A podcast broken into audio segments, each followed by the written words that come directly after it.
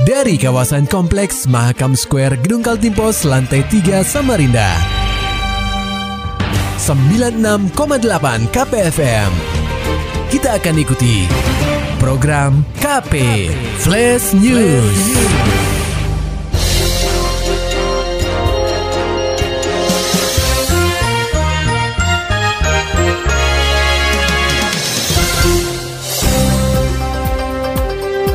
Anda sedang menyimak program KP Flash News bersama saya, Agung Pratama.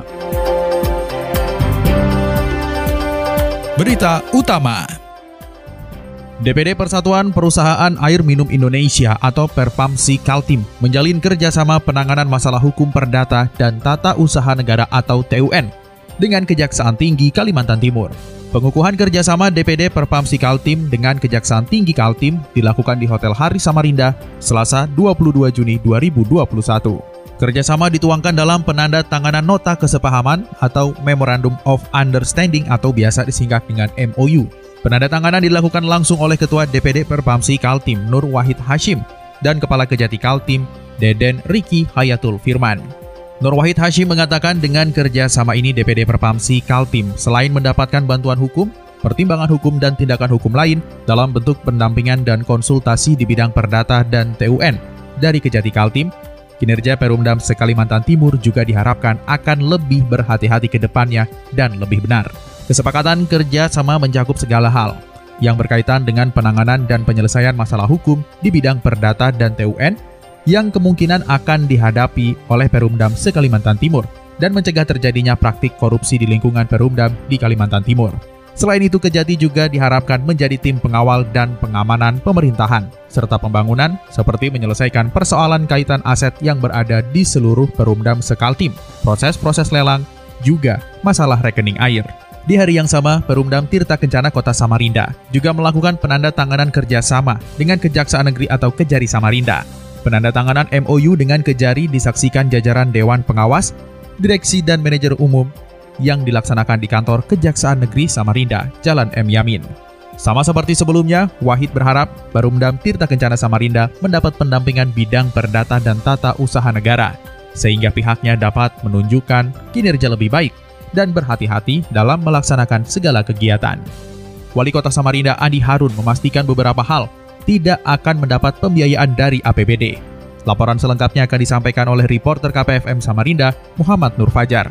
Pemkot Samarinda mulai menggember pembahasan mengenai anggaran pendapatan belanja daerah atau APBD, baik untuk APBD perubahan 2021 ataupun APBD murni tahun 2022.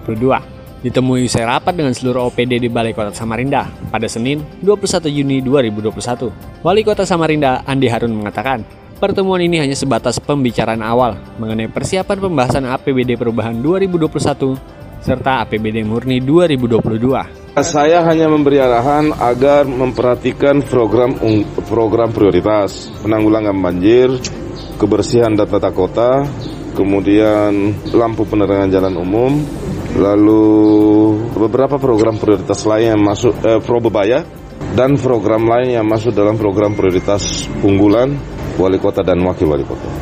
Mantan legislatif Karangpaci ini memaparkan, terdapat beberapa hal yang tidak akan menerima pembiayaan oleh APBD Samarinda lagi. Contohnya, penyediaan air bersih serta pengolahan sampah. Meski tidak mendapat kucuran APBD, Andi Harun memastikan bahwa kedua sektor tersebut akan mendapat bantuan dari pihak ketiga atau swasta. Menurutnya, sudah ada beberapa investor yang tertarik dengan dua sektor ini, utamanya perihal pengolahan sampah. Nah kita sedang merencanakan pengolahan sampah itu terutama sampah plastik. Mungkin rasanya sudah ya Akan kita olah menjadi memproduksi solar Setara dengan Dexlite. Yang kira-kira itu kita akan bisa punya apa Potensi sampah kita per hari itu 20 hingga 30 ton. Itu kalau dikelola, diproduksi, diolah dengan teknologi yang ditawarkan investor tersebut, maka kita bisa memproduksi kurang lebih sekitar 14.000 liter solar setara Deslite. Wali Kota Samarinda, Andi Harun, mengakui bahwa beberapa hal yang tidak mendapat kucuran APBD diakibatkan oleh terjadinya penurunan anggaran belanja akibat situasi pandemi COVID-19, sehingga pihaknya harus berinovasi dalam melaksanakan program dan menentukan skala prioritas dalam mencari strategi pembiayaan. KPFM Samarinda, Muhammad Nur Fajar melaporkan. Berita selanjutnya pendengar KP terungkap sudah pemindahan gedung SMA Negeri 10 Samarinda adalah keputusan Gubernur Kaltim. Laporannya disampaikan reporter KPFM Samarinda, Maulani Alamin. Pendengar KP, akhirnya Gubernur Kaltim Isra Nur angkat bicara soal pemindahan SMA Negeri 10 Samarinda.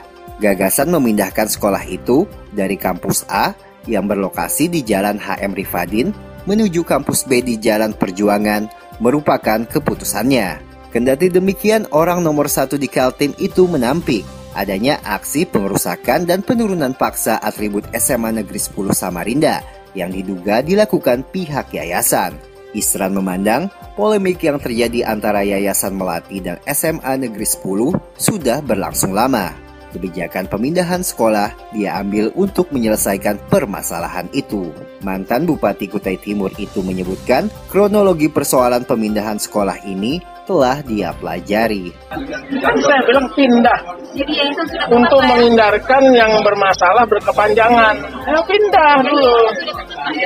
Apa? Bukan. Itu. Pemindahan yayasan ini keputusan gubernur. Karena gubernur mempelajari kronologi persoalan itu lama. Sementara terkait mekanisme pemberian izin pemanfaatan lahan kepada pihak yayasan masih dalam tahap pembahasan. Menurut Isran, persoalan yang didahulukan adalah pemindahan gedung sekolah dahulu. KPFM Samarinda, Maulani Al-Amin, melaporkan.